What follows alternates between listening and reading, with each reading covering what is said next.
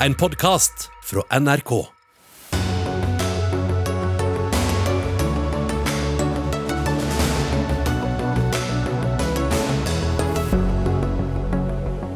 Politiet etterforsker Erna Solbergs brudd på smittevernreglene. Saken er storm i et vannglass, mener kommentator.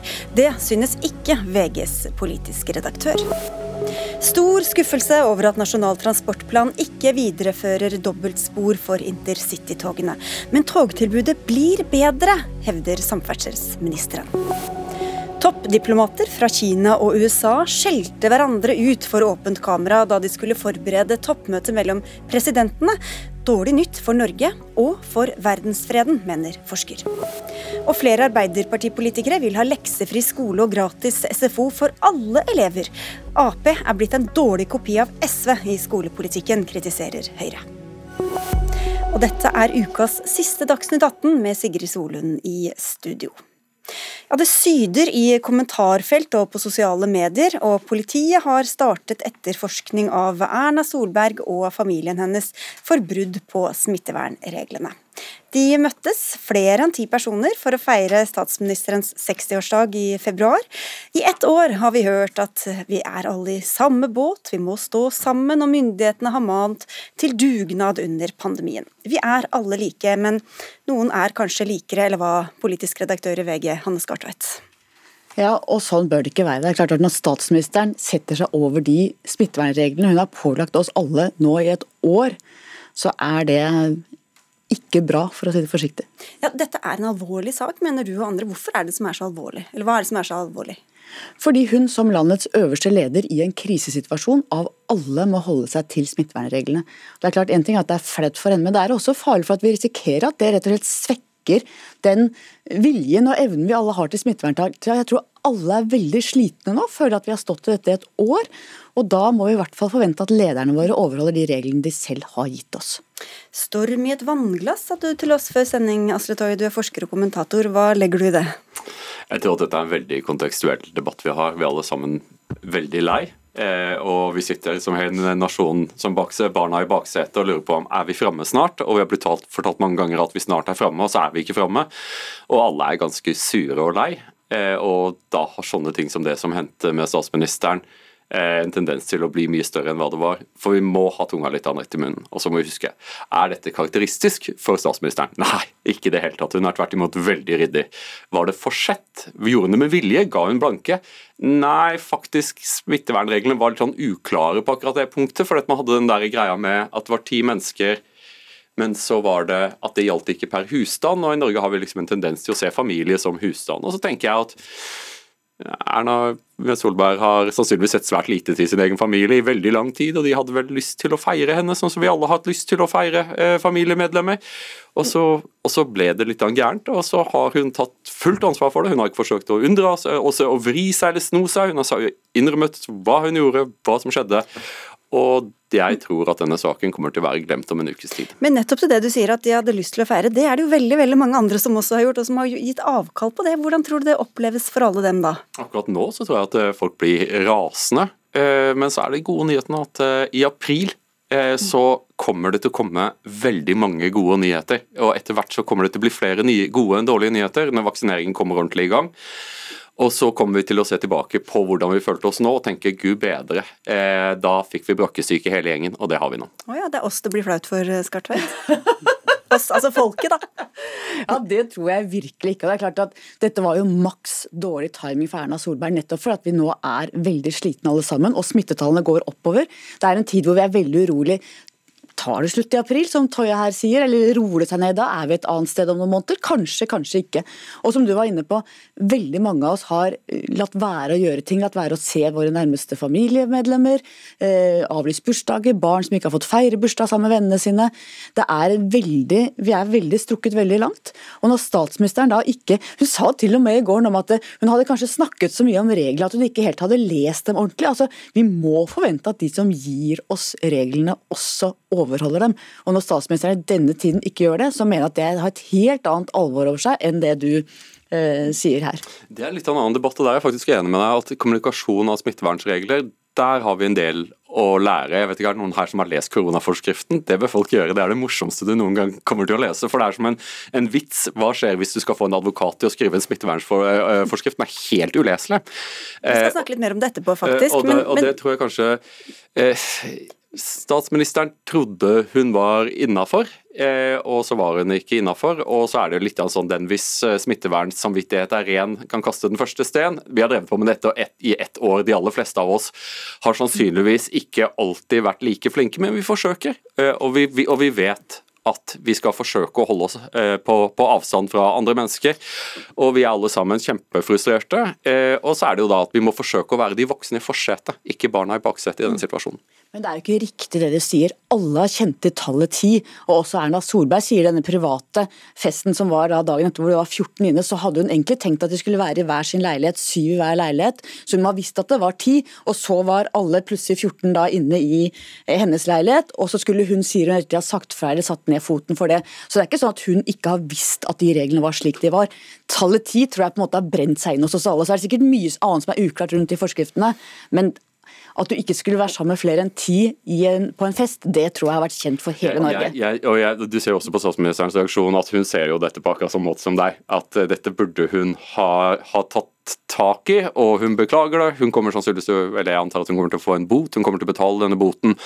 Eh, og nå vet alle at det ikke er lov til å ha eh, sammenkomst med mer enn ti mennesker. Så du mener at en god pedagogisk effekt, egentlig var det lurt, eller? Jeg, sier ikke at, sier ikke at det var lurt, jeg bare sier at vi ja, men saken er at liksom, en, en, av de tingene som er, er det store, en av store, store skillnadene mellom Norge og et land som Storbritannia, er at i Storbritannia så har man brukt denne koronakrisen til å være på, eh, til en god gammeldags heksejakt på politikerne, mm. for å finne om de følger reglene, og så slå det opp hvis de ikke gjør det. I Norge vi, har vi en litt mer tilgivende kultur. Vi må jo også ta med i betraktningen at hun har erkjent det. Hun har, hun har, vært helt åpen, hun har ikke forsøkt å unndra seg, og hun har beklaget inderlig. Og Da syns jeg at det er greit. Men det har jo fått også konsekvenser for andre politikere i andre land, Hanne Skarfleit. Tror du du får det også for Erna Solberg? Tenker du på oppslutning, eller tenker du på Tenker også på at folk har gått av i andre land for å, for å ha brutt sine egne forskrifter og regler? Jeg tror ikke at dette kommer til å koste Erna Solberg eh, jobben. Jeg er også usikker på hva det betyr for valget til høsten. Det som har vært min bekymring, er jo om det betyr noe for oppslutning om tiltakene. Jeg vet jo at i storbyene så er, både, eh, så er lokalpolitikere engstelige for hva skal de si før påsken nå til ungdommer som har lyst til å samles på fest. Skal nå politiet bøtelegge folk som er 14 stykker på en fest, ungdommer som eh, har en fest i påsken? Hvordan skal de klare det med tyngde? Det er bekymringen mer enn hvordan det går med Erna Solberg i valg eller med jobben. Og En ting er at man eh, forsaker fester, Asle Toje. Folk har jo opplevd at, folk, at nære familiemedlemmer har dødd uten at de har fått snakket med dem. Fedre får ikke være med etter fødsel osv. Altså, det er jo et alvorlig bakteppe her. Tror du at dette gjør at folk mister respekt for reglene? Jeg tror ikke at det gjør at folk får miste respekt for reglene. Dette her er bare eh, Vi har vært gjennom en skikkelig tøff tid. Eh, jeg har vært eh, til stede på begravelse med fire mennesker og et kamera. Det er det tristeste jeg noen gang har opplevd. Eh, ikke bare pga. begravelsen, men bare på konteksten. Og Sånn er det for oss alle. Sånn er det for statsministeren. Politikerne er mennesker. Eh, av og til så feiler de, i likhet med oss alle andre. Og eh, jeg tror at vi må holde på det at hvis du erkjenner din skyld og tar ansvar, så skal vi ha, skal være rom for tilgivelse også. Jeg mener også at vi skal være rause med politikerne. De er mennesker som alle andre mennesker. Men akkurat en statsminister i en situasjon som dette kan ikke bryte sine egne smittevernregler. Det går ikke an. Vi har invitert Erna Solberg til å delta i sendingen. Hun hadde ikke mulighet, sa statsministerens kontor, men takk skal dere ha. Vi skal uh, slippe dere, men ikke temaet helt. For som vi var inne på, viser denne saken at regler og forskrifter og anbefalinger og påbud og forbud og kohorter og det ene med det andre rett og slett er for vrient til å holde oversikt. Anne Kjersti Befring, førsteamanuensis ved Juridisk fakultet ved Universitetet i Oslo. Vi skal snakke om hva som kan være forvirrende, men til akkurat dette vi snakket om nå, reglene, er de så uklare eventuelt at det kan forklare denne saken, altså familien som møtes over ti personer på en gang? Nei, jeg tenker dette er ganske klart. Eh, at ti personer er en grense når det er private sammenkomster. Man kan jo reise spørsmål om hun var klar over skillet mellom private sammenkomster og restaurant, og hvor de var hen. Men akkurat den regelen tenker jeg er ganske klar. Espen Rostrup Nakstad, assisterende helsedirektør. Jeg skal sitere deg. Jeg skal innrømme at det er veldig komplisert dette her, og særlig dette med hvor mange som kan samles og hva som kan defineres som et privat arrangement. Det er råd og regler, og det er blitt endret mange ganger, sa du til VG i dag. Men at man ikke skal møtes flere enn ti, er det så fryktelig komplisert? Nei, og det er jo ikke arrangementssiden av det. Det er jo mer et råd, ikke en forskrift. Så det er jo brudd på et råd da, om hvor mange du kan møtes eh, privat. Så, men, men det, det, det er, er, det vanskelig å forstå? Nei, det, det, som er vanskelig grunn til at jeg sa det, er at det er det vi får suverent mest spørsmål om. Det er jo da ulike typer sammenkomster som er innen kategorien arrangement. Innendørs, utendørs, faste seter, ikke faste seter, kommersielt, ikke kommersielt. Det er veldig veldig mye spørsmål om det. Og det er ikke en veldig lett materie hvis ikke man slår det opp. Og selv så må jeg faktisk slå det opp når jeg skal svare helt sikkert på akkurat de tingene. Trygve Svensson, som er leder for Tankesmien Agenda, han kritiserer deg på Facebook i dag og spør hvorfor du skal forsvare en politiker. Hvorfor gjør du det? Nei, Jeg føler ikke at jeg har forsvart noen politiker. Jeg har svart det samme som jeg har gjort i et år. Jeg, når jeg blir konfrontert med reality-stjerner eller fotballspillere, hvem som helst som tråkker over og bryter eh, covid-19-forskriften. Da sier jeg at det er ikke bra, vi må følge reglene. Og hvis vi eh, bryter dem, så må vi i hvert fall følge dem i tiden framover. Så det er noe med det å lære av sine feil og, og bruke ressursene på å hjelpe hverandre til å følge dette her og ikke til å drive sånn eh, overdommervirksomhet og peke finger, som i hvert fall ikke vi har så mye sans for. Men du går jo litt inn i jussen i det her. da. Du sier at du ikke kjenner alle detaljene, men at du mener at Erna ikke har brutt en forskrift, men et råd, som du sier. Hvordan vet du det når denne saken Nei, jeg lot merke til at hun var ikke til stede. Så da er det jo vanskelig å bryte en forskrift hvis du ikke dagen, er til stede på en restaurant, på et arrangement. Da er det vanskelig å bryte forskriften. Ja, det var den første dagen. Og så er det, ja. ja det var ja. det som var arrangementet, så vidt jeg skjønte. Men den andre dagen, da? det ja, Det er altså råd, det er ikke et forskriftsbrudd. Ja, der er vel også juristene litt eh, uenige om hva men, ja. ja okay, men eh, det med å hvor mange du kan imitere eh, og være sammen med sosialt, altså de sosiale reglene, det er råd. og De endrer seg fortløpende, kommer sikkert tilbake til etterpå. men det er jo råd som endrer seg, men som gjelder da det som ikke er arrangementer på offentlig sted. Ja, Befring, Her er det altså juss og etikk og råd og anbefalinger og forbud og påbud om hverandre. Hvor enkelt er det å manøvrere? Det begynner å bli vanskelig. Eh, jeg har bare lyst til å si at Formålet med alle disse reglene det er å begrense skadevirkningene av pandemien. Eh, og Pandemien er jo i endring hele tiden. Og Det innebærer at reglene blir endret hele tiden. Og Det gjør det uoversiktlig for oss, også for oss som jobber med det. Så må vi slå opp. Eh, det andre det er jo at disse reglene må jo være forholdsmessige. Eh, og I det ligger at de ikke skal være for inngripende, eh, og at man må differensiere. Eh, og Det gjør at vi får mange unntak. Så ofte så må vi finne en hovedregel og finne ut hva den sier, og så må vi finne er det noen unntak fra den hovedregelen. Og så er det, som Espen Nakstad er inne på, veldig mange ulike typer samlinger, sosiale samlinger. Det er forskjellige typer nærkontakt. Eh, så det er en del definisjoner i forskriften som gjør dette vanskelig. Men også vet jo alle vi skal prøve å holde avstand, og vi skal ikke møte så mange. Og så får vi på den ene siden uh, beskjed om å bruke skjønn. Helsedirektøren var her i Dagsnytt 18, og han var også litt forvirret på, noen hvor mange som gjaldt i uka osv., som, som vi alle er. Men samtidig den, finnes det jo også en ganske sterk pisk der, da. At hvis man bryter loven, så kan man få 20 000 i bot, kanskje ting betinget fengsel eller samfunnsstraff. jeg vet ikke, så Det er liksom noe med hvilke signaler sender vi samtidig her, Befring? Ja, og Det er veldig vanskelig. fordi det er så stor forskjell på en anbefaling og et pålegg. Fordi du kan ikke straffe noen for å ha brutt en anbefaling. Så det er ikke en skal-regel. Det er en eh, bør gjøre, bør innrette seg på en bestemt måte. Eh, mens et pålegg, en plikt, det kan gi grunnlag for straff. Eh, og det som er litt eh, uoversiktlig nå, er at vi det er jo mange som gir regler. Det er kommunene, og så har vi regler nasjonalt. Og så har vi fått en del regionale regler, hvor man eh, regner opp i forskriften hvilke kommuner som er omfattet. Og så kan man se at i de nasjonale reglene så er det anbefalinger. Og så er det pålegg da i kommunale reguleringer og regionalt.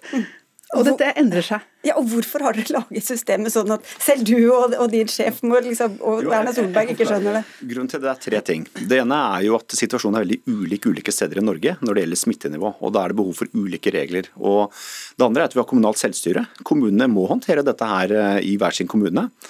Og så er det også sånn at, eh, at uh, situasjonen endrer seg over tid. og Derfor så er det viktig at ikke strenge tiltak henger i for lenge og rammer utilsiktet. Mm. Så Det er de tre hovedårsakene til at dette er litt komplisert. Men den gode hjelpen i dette her, det er for alle som lurer på det, er jo å gå på Helse Norge, trykke med tommelen på mobilen der det står koronainformasjon, og der står det listet opp rådene, altså anbefalingene. Det står reglene, altså covid-19-forskriften, og det står disse regionene som nå har ekstratiltak etter kapittel 5 av A til C. Og Det står til og med hvilke kommuner som er forsert, hvor lenge det gjelder osv. Så, videre.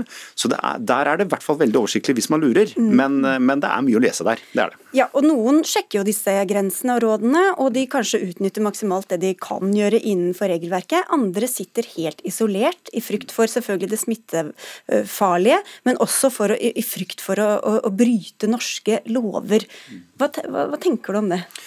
Nei, altså I Norge så har vi heldigvis hatt det sånn at de aller oppslutningen har vært veldig god. Vi har jo befolkningsundersøkelser hver uke. Vi kartlegger dette her og ser at de aller aller fleste følger dette omtrent til punkt og prikke og gjør sitt beste. Eh, og De grunnleggende reglene og rådene er veldig enkle. Det er det samme vi har snakket om en million ganger, så jeg trenger ikke å nevne engang. Men, men, men, eh, men så er det det at skal du begynne å, komme inn på unntakene, som er viktige for at uh, f.eks. barn skal få besøke foreldre som bor på hver sin side av svenskegrensen, da, eller at man skal få gå i en bisettelse eller begravelse, så blir det etter hvert ganske mange unntak. Og de er veldig godt begrunnet hver for seg, og de er viktige, men det gjør at det blir komplisert. Kan politiet disse reglene? Altså Vet de hva de skal etterforske og ikke rundt omkring i landet, tror du, Befring? Den kunnskapen tror jeg varierer veldig. For politiet har jo eh, veldig mange forskjellige typer oppgaver. Og smittevern er nok litt nytt også for politiet akkurat som det er nytt for veldig mange andre. Eh, så her er det jo både utfordringer med å håndheve reglene, altså ressurssiden av det, og så er det kunnskapen om reglene. Og Eh, jeg har jo fått en del eh, spørsmål fra politiet om det er en anbefaling eller en plikt osv. Så, så jeg ser jo at det er behov for at de også får litt mer lett tilgjengelig informasjon. Går inn på helsenorge.no de også. Ja, bryter sammen det systemet snart. Men du, bare til slutt her, Befring. Som vi nevnte i den debatten før dere kom inn. Eh, Erna Solberg i dette tilfellet kanskje visste ikke at hun brøt reglene, får vi tro da. Har det noe å si sånn strafferettslig, altså om man kjente reglene, men brøt dem bevisst, eller om man trodde man gjorde det riktig? Nei, altså, egentlig, det er det vi kaller rettsvillfarelse. Altså at du er i villfarelse om hvilke regler som gjelder. Og vanligvis så er ikke det en fritaksgrunn fra straff. Eh, og så stiller man jo krav om eh, uaktsomhet da, eh, for å kunne straffe. Så terskelen for å straffe ligger ja, den ligger litt høyere enn bare vanlig uaktsomhet. Så det blir jo en vurdering. og vi må jo tilbake til reglene i vinterferien, og de så litt annerledes ut enn reglene nå. Mm. Eh, og er det en anbefaling, så er det helt klart ikke grunnlag for straff. Ok, Vi får se hva politiets etterforskning viser, og hvor mange som går inn på Helse-Norge og føler seg 100% klare på hva de skal følge og ikke, og hva de må og hva de kan. Takk skal dere ha, i hvert fall begge to. Espen Rostrup Nakstad, assisterende helsedirektør, og Anne Kjersti Befring, førsteamanuensis ved Juridisk fakultet ved Universitetet i Oslo.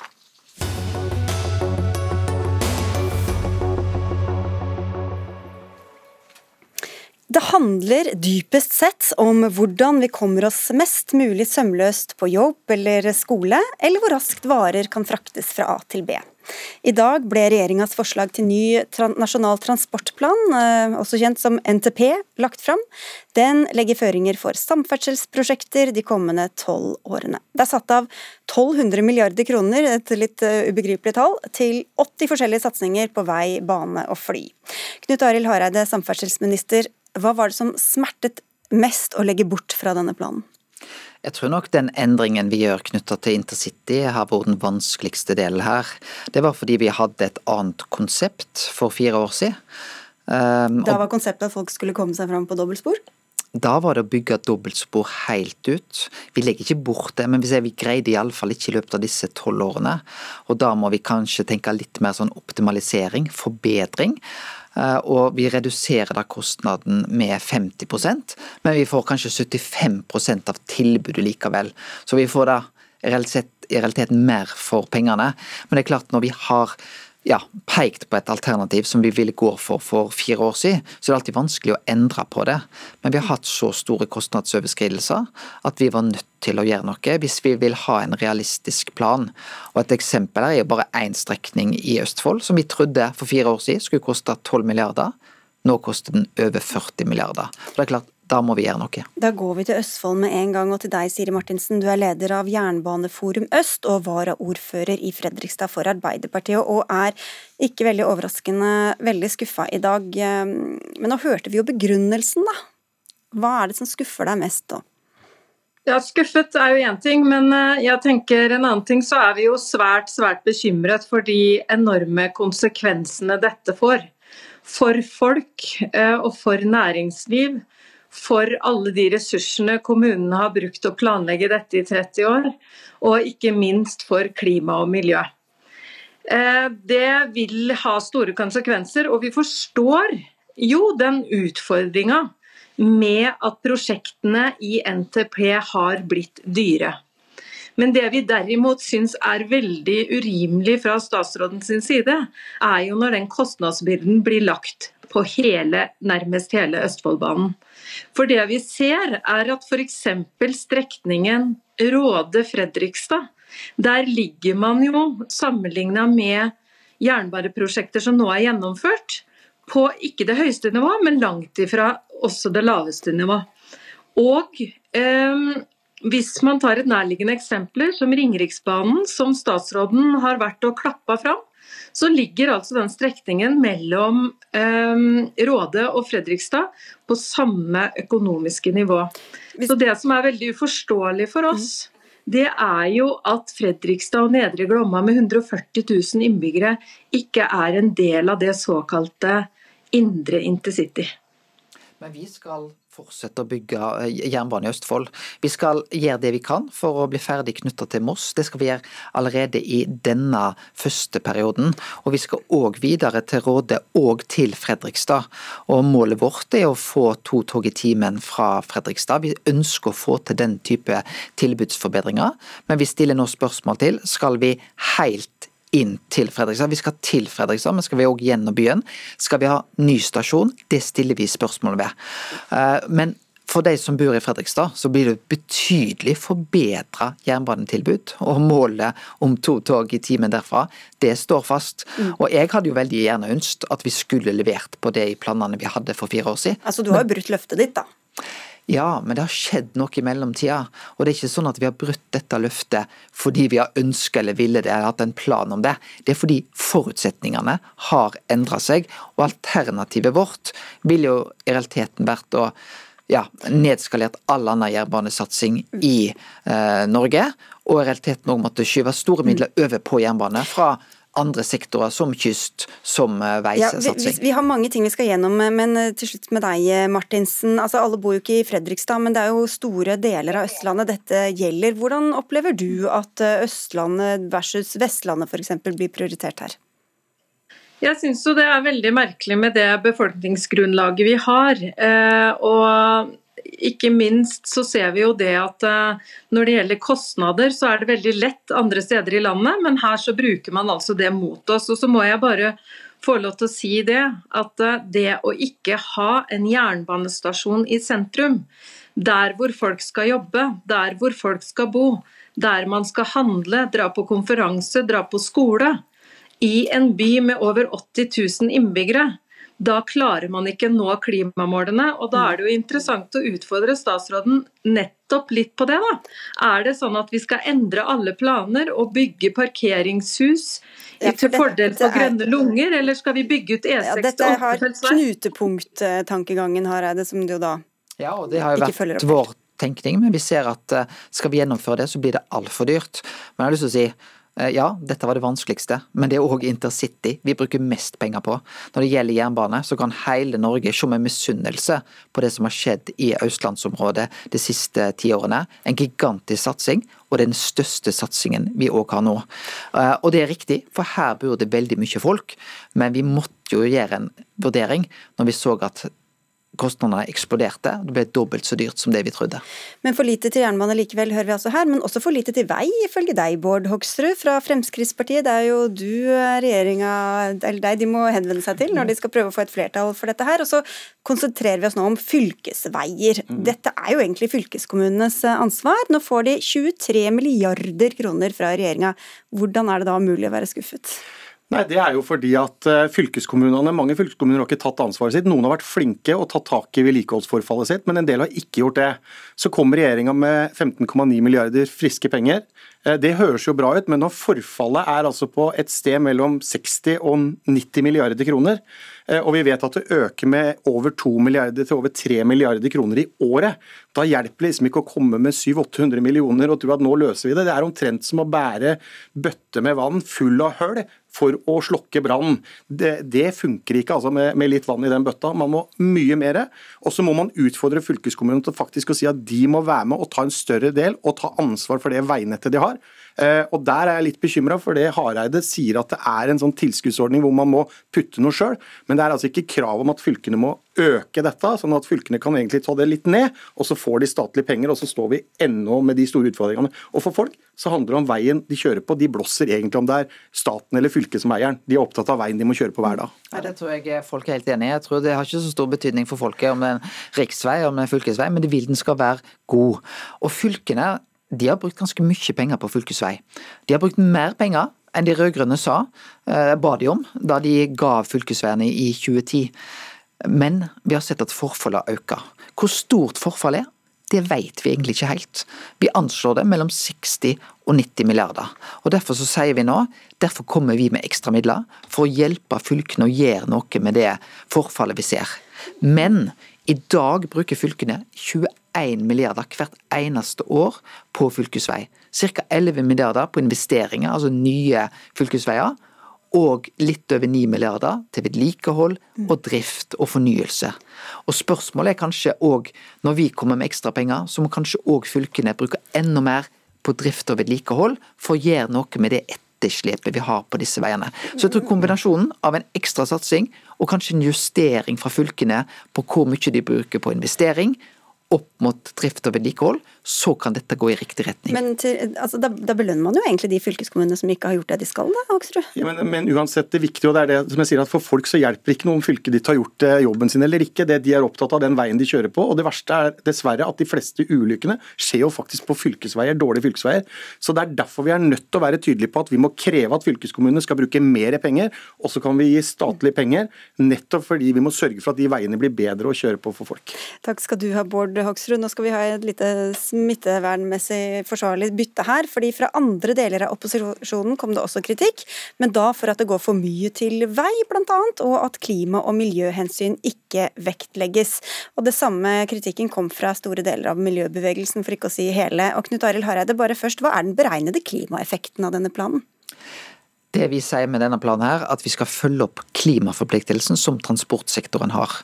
Og det ligger vi i ruta til å nå med denne Nasjonal transportplanen. Så har ikke vi full eksakt vitenskap på hva det vil medføre av klimautslipp. Har dere noen i det hele tatt? Eh, vi har gjort på en god del av de største enkeltprosjektene, men vi har ikke en samla totaloversikt i denne planen her. Hvorfor det, ikke det, da? Det er fordi at eh, det er faktisk ikke det som har den store betydningen for hvordan klimautslippene blir for denne sektoren her.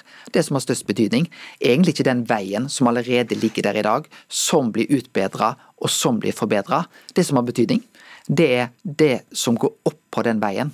Eh, og Derfor så har sånn som biofuel, eh, nullutslippsbiler, det har langt større betydning. Vi har gjort mye på personbiler. Nå må vi òg gjøre noe med varebiler og tungtransporten. Det er det som er helt avgjørende, skal vi nå klimaforpliktelsene. Therese Hugsmyr Woie, du er leder i Natur og Ungdom. Du kaller dette et svik mot ungdommen og mot naturen. Hvorfor det? Ja, først vil jeg si at Selv om Frp var inne her før oss, og vi begge klager, så er ikke dette et godt kompromiss mellom oss. Jeg mener jo fortsatt at, at dere har fulgt opp en litt sånn ikke så stolt tradisjon fra Frp sine statsråder med å løse alle problemer med vei. Og det er jo det vi klager på. Ja, du tenkte at han skulle si at fordi alle er misfornøyd, så er det en god, en god ja, løsning? Ja, det er jo litt det jeg vil unngå. Fordi jeg mener jo at man har fortsatt linja man har ligget på. Men hva er, bygge ut mye okay, men til, til det konkrete, da. Hva er det som er problematisk med det som ligger på bordet? Det er jo at man eh, fortsatt fortsetter å bygge landet med den infrastrukturen som gjør det vanskeligere å løse klimaproblemene og naturproblemene. Og det er jo at man f.eks. har noen gode tiltak for eh, mindre trafikk inne i byene, eh, nullvekst osv., men så bygger man store motorveier inn til byer.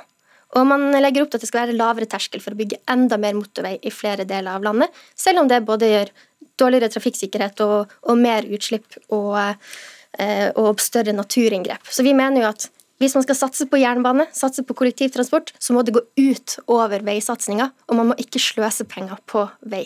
For når du sier Hareide, at det er det som skal kjøre på veiene som har betydning, så glemmer du jo alt det som all, karbonet som bindes i naturen, som da forsvinner når du bygger disse store veiene, f.eks.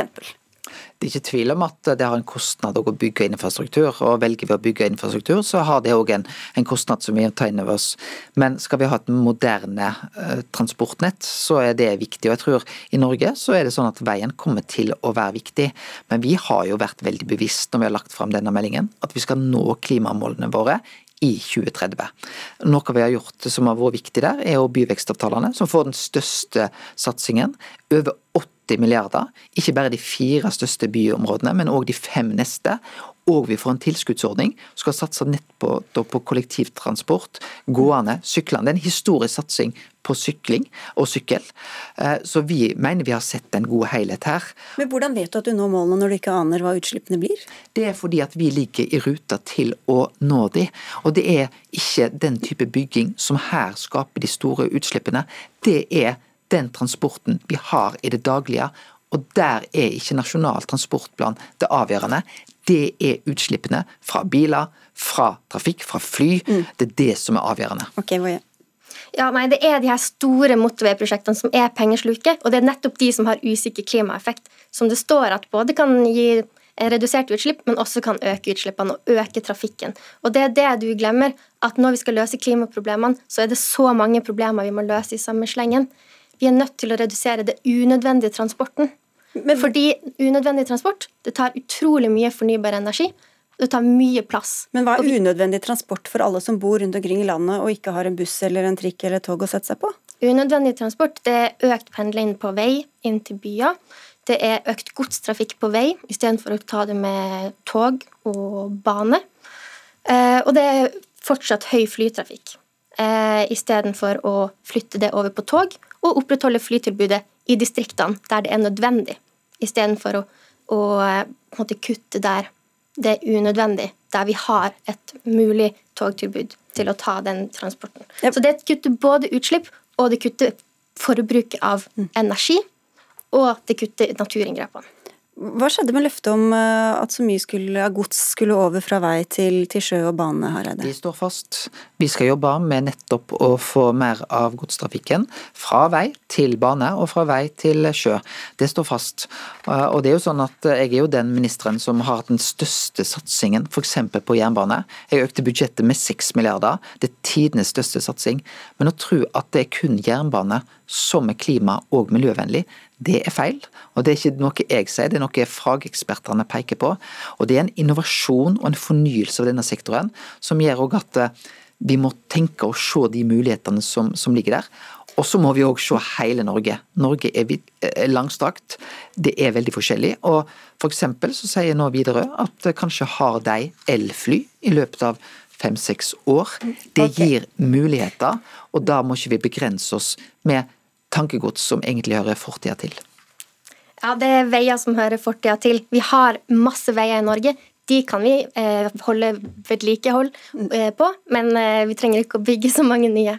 Og mm. Dette kommer det til å bli debatt om i mange måneder og uker fremover. Knut Arild Hareide, takk skal du ha for at du kom, både lokalt og regionalt og på riksplan. Og takk også til Bård Hoksrud fra Fremskrittspartiet, Therese Hygstmyr Woie fra Natur og Ungdom, og Siri Martinsen, som altså er leder i Jernbaneforum Øst.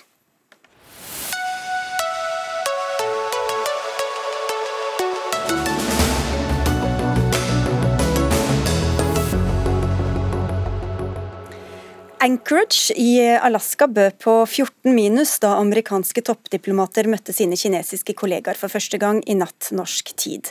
Også mellom delegasjonene var det en isfront vi er ikke vant til å i hvert fall få kjennskap til. For vanligvis får pressen dekke de høflige åpningshilsenene til delegasjonslederne, for så å bli bedt om å forlate lokalet. Men denne gangen gikk det ikke helt sånn, Anders Romarheim, du er førsteamanuensis ved Institutt for forsvars studier. Hva var det som skjedde? Nei, Det ble jo en åpen eh, diplomatisk trefning.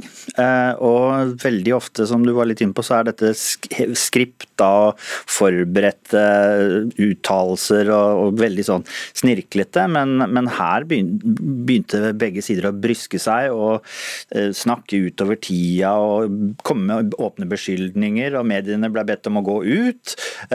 Men så ville utenriksminister Blinken ha dem der inne når han skulle besvare salvene han mente han hadde fått fra kineserne. Så i diplomatiske termer var dette et, et lite basketak, vil jeg si. Hva var det de anklaget hverandre for? At det var mye gjensidige anklager. Eh, jeg tror nok særlig det traff hardt for amerikanerne når de først hadde sagt de ville snakke om menneskerettigheter, eh, Taiwan, Sichuan, Hongkong, den typen ting. Så kommer eh, den kinesiske delegasjonen og sier det er jo store menneskerettighetsbrudd i USA også. Det er klart det treffer ganske hardt for et, et land med USAs verdigrunnlag.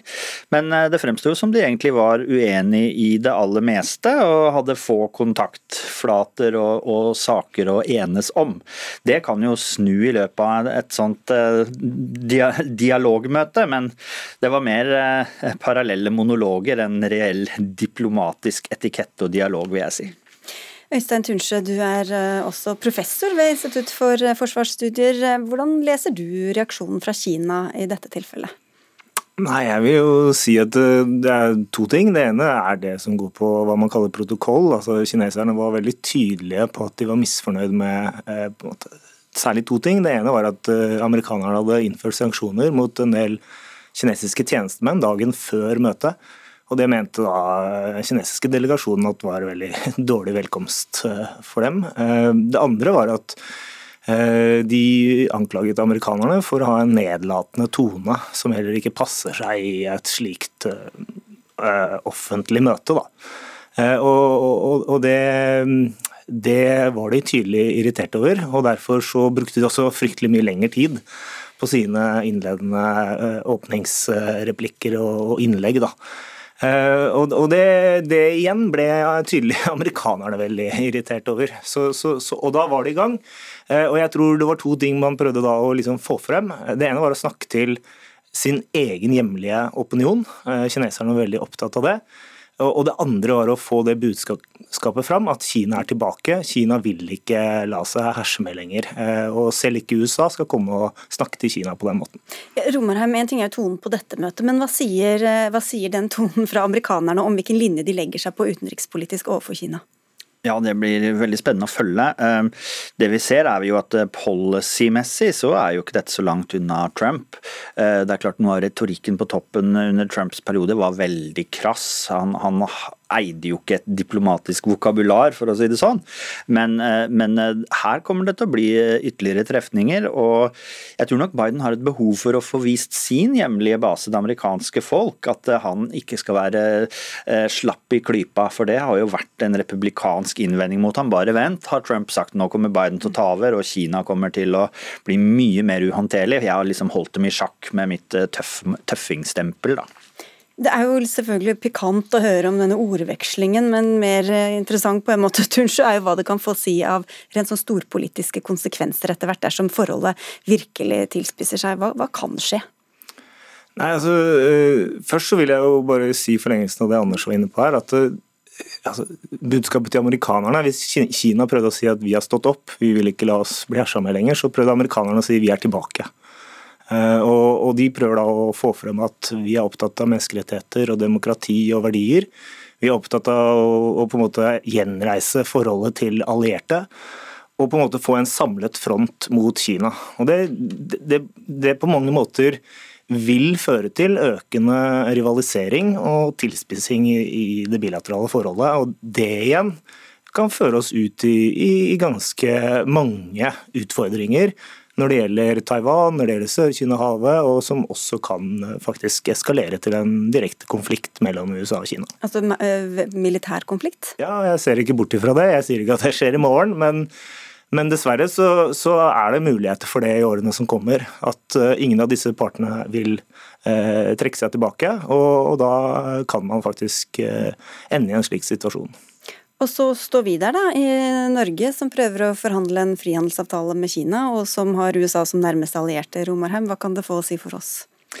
Ja, Dette er ting vi må følge veldig nøye med på. Eh, det har jo blitt et eh, kraftfullt nytt, eh, vi kan si helt nytt fokus på, på Kina i Nato-kretser. Eh, Nato skal utvikle et mer, altså inkorporere tenkning rundt hvordan balansere Kina globalt i, i, sitt utsyn. Og Sånn har det ikke vært tidligere. Eh, og I Norge, ikke minst hos oss på Institutt for forsvarsstudier, er vi svært opptatt av kinesiske affærer og, og asiatisk sikkerhet. Fordi det, det, det globale spillet henger sammen. Eh, og En sak som var veldig tydelig oppe, eh, var jo cyberangrepene. Det var noe av det Blinken lista høyest over transgresjoner, og Kina er en storgrossist, minst like store som Russland, i å lage trøbbel for sine motstandere og frenemies internasjonalt i cyberdomenet. Så det er en stor inntreden i, i helt på det toppnivået i strategiske affærer internasjonalt. Dette møtet skulle egentlig forberedt et annet møte. Hvordan tror du det blir, Tunche? Nei, La meg bare legge til veldig, veldig viktig for Norge er at Norge må avstemme politikken sin når det gjelder frihandelsspørsmålet, i tråd med hva vi ser fra Biden-administrasjonen sin side, som prøver da å få allierte med på sitt lag. og Det vil være litt sånn motstrøms for Norge å signere en frihandelsavtale med Kina under sånne forhold. Når det gjelder det neste møtet, som kanskje da blir 22.4 i Washington i forbindelse med et klimatoppmøte, så, så, tror jeg ikke det blir så mye bedre. Det er klart Presidentene vil kanskje uh, roe seg ned litt, men, men rivaliseringen USA og Kina den vil fortsette. Og Dere følger spent med, og vi lytter til dere. Takk skal dere ha begge to. Anders Romarheim og Øystein Tunsjø, begge fra Institutt for forsvarsstudier.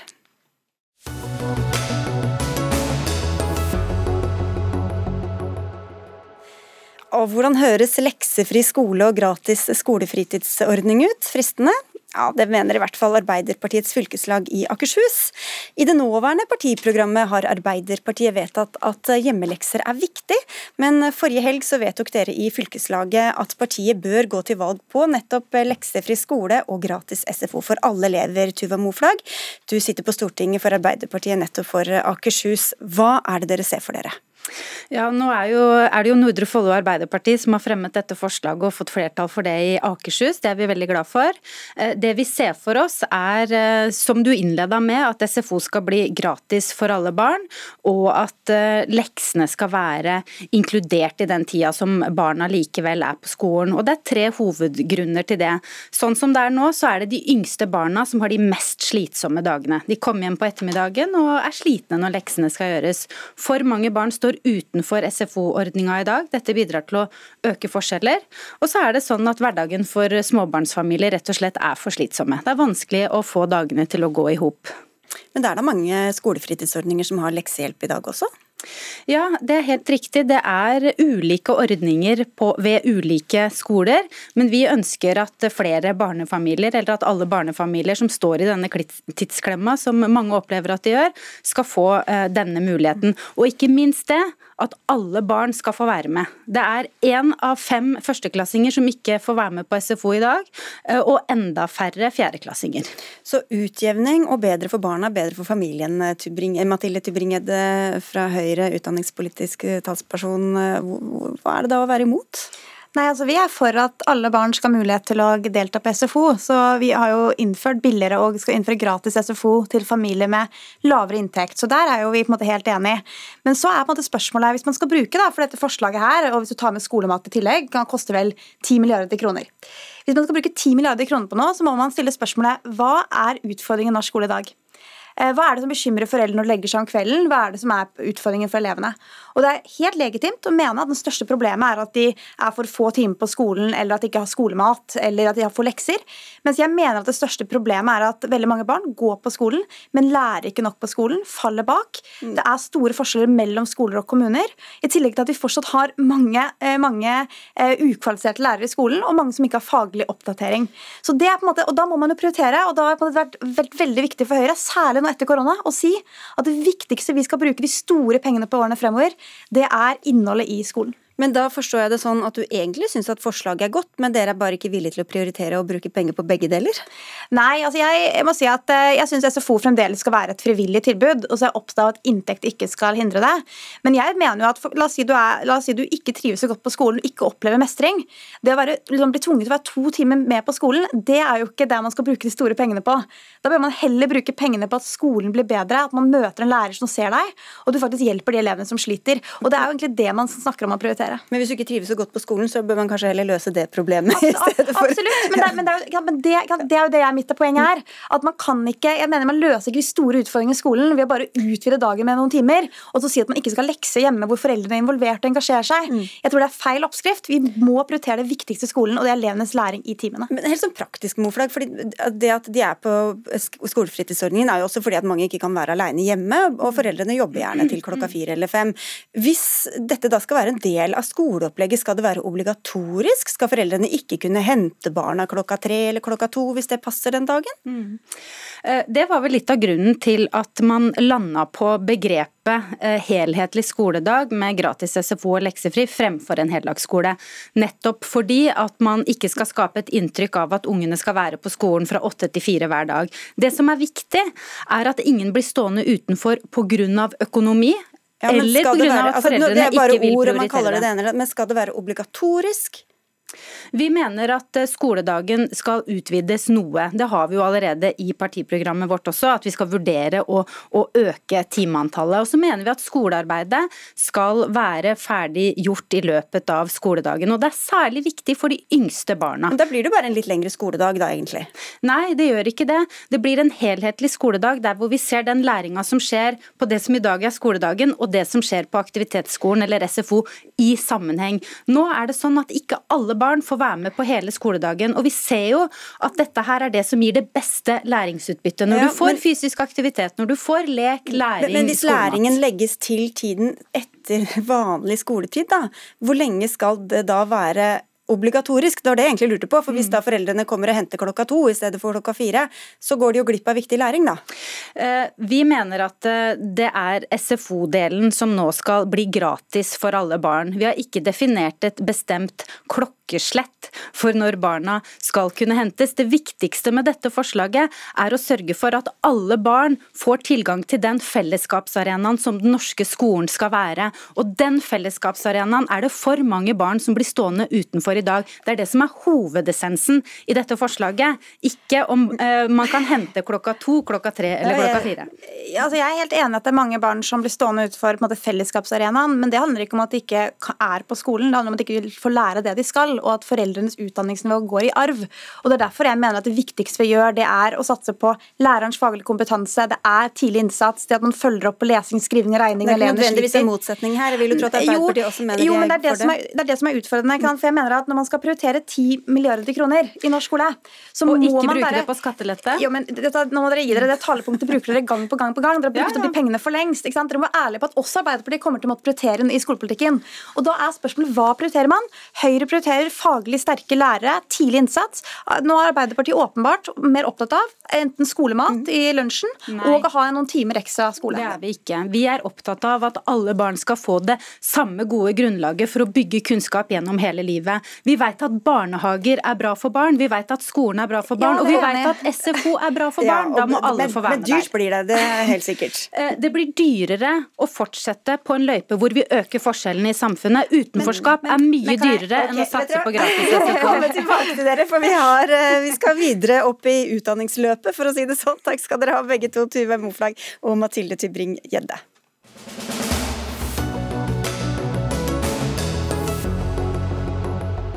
Mens Universitetet i Oslo kan undervise i teologi, så kan ikke Universitetet i Bergen gjøre det.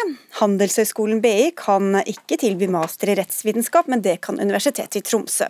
Forvirrende? Ja, men sånn er reglene i dag. Men nå åpner regjeringa for å la flere universiteter få tilby utdanning innen psykologi, juss og teologi. Ikke alle er like fornøyde med denne endringen. Svein Stølen, du er rektor ved Universitetet i Oslo. Et av få som eh, i dag tilbyr utdanne, å utdanne psykologer til, i embetsstudiet der, og du er skeptisk til disse endringene. Hvorfor det? Nei da, vi, vi, vi, er jo opptatt av konkurranse og ha gode studiesteder. Så Det som vi er opptatt av, det er at når man øker antall studiesteder, så må man også øke ikke bare antall studieplasser, men man må også øke eh, si, pengene til forskning. Fordi vi har studier som er basert på forskning. Så vi er opptatt av at hvis man gjør dette, så må man være helt sikker på at dette ikke gjøres ved å redusere ehm, ressursene på andre fagområder, sånn at du svekker eh, utdanningene. De er forskningsbaserte.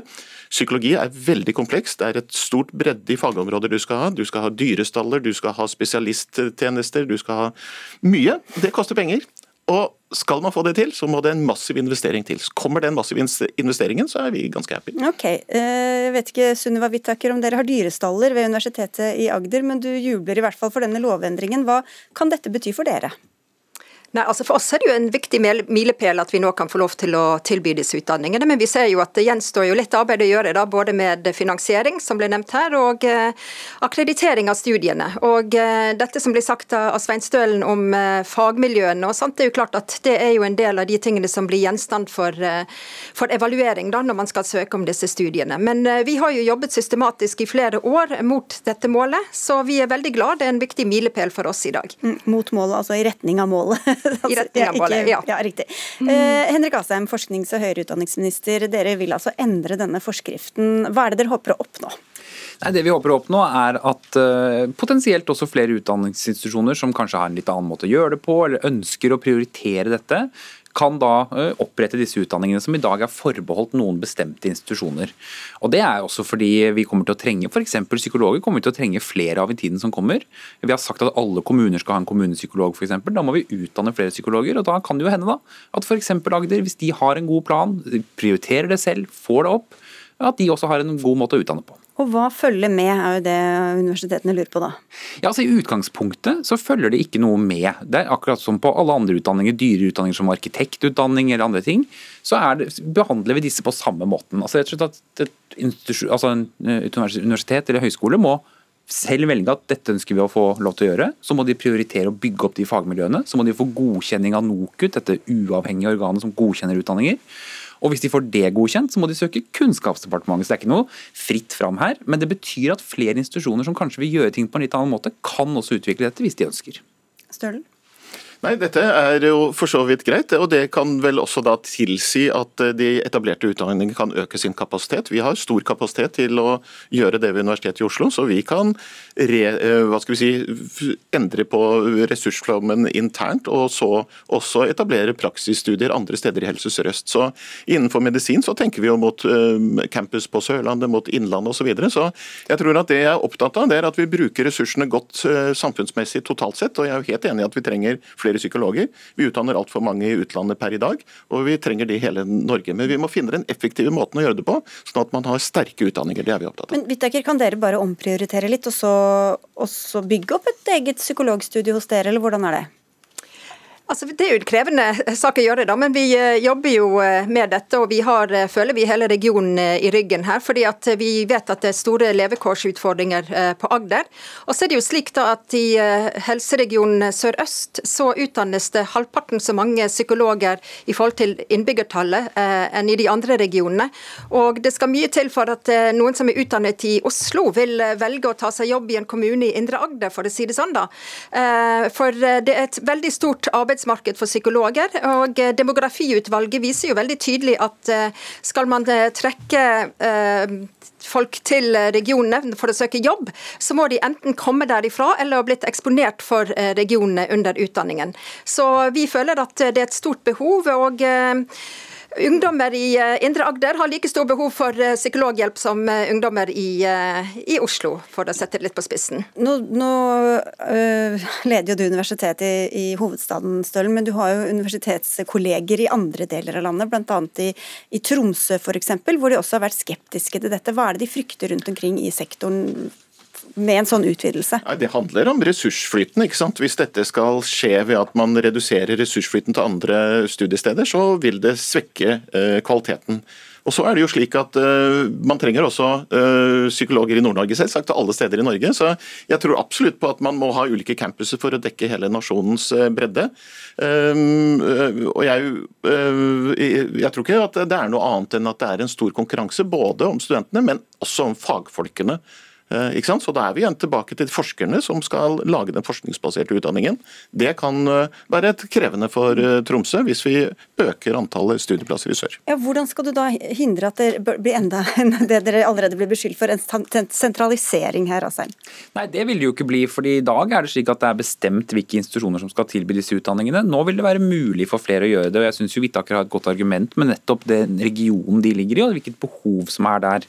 Og Vi sitter jo som politikere og sier hele tiden at universitetene og høyskolene de må følge med på hvilket fremtidig kompetansebehov som er, og tilby det, vel da vil jo dette være en måte også, hvis man ser for seg at det ikke kommer noen nye penger da, at da må Universitetet i Agder i så fall omprioritere plasser og penger til det som da regionen har behov for i fremtiden. Så dette er jo en måte vi gjør det på alle andre utdanninger. Men f.eks. i Tromsø, da, som vi bruker som eksempel her, de frykter jo at, at studenter ikke skal søke seg dit, hvis det er veldig mange andre steder, som, som i Sør-Norge f.eks., som som de da er lettere for dem å flytte til enn for å flytte helt til Tromsø f.eks. Ja, altså, bare minne om at Dette er utdanninger som er svært svært populære. Eh, er, eh, hvis vi oppretter flere plasser, så vil det nok være mer enn nok søkere til de plassene også. slik at Dette er jo ikke helt tilfeldig hvilke utdanninger som i utgangspunktet er regulert på denne måten. Men jeg mener jo også at hvis vi skal sørge for at vi også har litt nytenking, sørge for at det blir andre måter å gjøre ting på, kanskje, så er det bra hvis institusjonene i utgangspunktet ikke er avskåret fra å kunne tilby det, men at de da kan utvikle nye tilbud som kan være gode. Og du er ikke redd for at eh, deres ansatte skal flykte til Agder, eh, Stølen? Nei, men vi har jo konkurranse både i Norge og utenlands, så jeg vil jo legge vekt på det. Så når vi utvikler våre utdanninger, så er det ikke sånn at vi er statiske. Vi er jo hele tiden har internasjonal global konkurranse, samarbeider tett med europeiske institusjoner. Så, så jeg er ikke så redd for denne, denne, at vi skal fryse fast eh, ved Norges eldste og beste universitet. Hvordan har dere tenkt å bygge dette opp i så fall, da, Vittaker? Hvis det ikke blir noe ekstra, så må dere kutte et annet sted, da? For å si det sånn, Vi har en rekke utdanninger som eh, ligger veldig tett opp mot feltet psykologi allerede. Så vi har en, veldig mye kompetanse allerede på plass, og vi har en, eh, en plan for hvordan vi skal eh, gjøre dette videre. Og så vil jeg bare si at Når det gjelder selve utdanningen, så har jo vi tenkt å lage vår egen profil. Jeg nevnte dette med kommunene og at alle kommunene trenger psykologer. Så vi har allerede tenkt at vår utdanning skal ha en profil som litt mer samfunnsrettet, og inn mot det kommunale feltet feltet. Så jeg tror at dette vil være en veldig god tilførsel til, eh, til selve eh, fagområdet. da. Nå nevnte jeg teologi og juss og psykologi, um, Asheim, men medisin, hva skjer der? Nei, der sier vi at vi trenger litt mer tid på å få oversikt over hva dette kan bety i kostnader. og Det er fordi medisin i tillegg har svært kostbare bygg hvis du skal opprette medisinutdanning. Så Der sier vi at vi skal samarbeide med universitets- og høyskolesektoren, med eh, helseforetakene som må lage klinikkplasser for alle studenter osv., og, eh, og se hva som er mulig. Så Vi har ikke valgt å ta den ut av forskriften slik vi har gjort med de tre andre. og Det er rett og slett fordi det er såpass ekstra kostnader ved å opprette en medisinutdanning. Hva, ja, hva, blir viktig å tenke på da, Stølen? Nei, jeg tenker at Psykologi er også veldig, eh, veldig kompliserte og dyre utdanninger, så det er jo nesten i samme kategori. og Det er fortsatt behov for bygg osv. Så, videre. så Så jeg tenker at i alle utdanninger så er det snakk om å bygge disse brede fagmiljøene. Komplekse fag krever store, brede fagmiljøer med høy vitenskapelig kompetanse. Så det er en ressursspørsmål, og det er også et spørsmål om fagfolk å utdanne de som, som er der på universitetene. Men konkurranse ønsker vi. Ja, men, men det er dette som er, Jeg tror ikke det er så vanskelig å forstå for lytterne. egentlig. De som har en utdanning, de vil beholde den. De som ikke har den, vil gjerne kunne få den. Det er sånn det fungerer. og Derfor så vil man finne argumenter på begge sider som for så vidt kan bære. Men mitt poeng er bare at hvis det er, hvis det ikke har, ikke jeg har veldig gode argumenter for at denne utdanningen må reguleres på bare dette lærestedet, så bør det være mulig for andre også å kunne tilby det. Men Blir det like gode fagmiljøer hvis de blir spredd eh, så mange forskjellige steder? da? Det er jeg opptatt av, ikke sant? at det er ressurser nok. Vi skal gjerne ha et femte fagmiljø i Norge hvis det bare legges inn nok ressurser også på forskningssida, som krever massiv investering. Og Hvis ikke så kommer dette her til å gå på kvalitet. Ja, så det som denne sektoren sier til meg tiden, at De vil ha mest mulig frihet. De har 40 milliarder i budsjett, de har stor frihet, men da må de også prioritere innenfor den friheten de har. Og når kommer det noen medisinretningslinjer, da? Nei, altså Nå skal jo dette gå til Stortinget, så får vi se hva Stortinget sier først. Og så skal vi begynne å jobbe med det. Ok, vi får si takk for at dere var med alle tre. Eh, Henrik Asheim, forsknings- og høyere utdanningsminister. Svein Stølen, som er rektor ved Universitetet i Oslo. Og Sunniva Whittaker, som er rektor ved Universitetet i Agder. Nå skal Dagsnytt 18 ta helg. For dem som vil ha en dobbel dobbel dose med Dagsnytt 18-programledere kan vi friste med at Espen Aas er gjest i Nytt, i nytt, på, nytt på Nytt heter det, i NRK1 i kveld. Men ellers så takker vi oss fra Anne Katrine Førli, Lisbeth Sellreite og Sigrid Solund.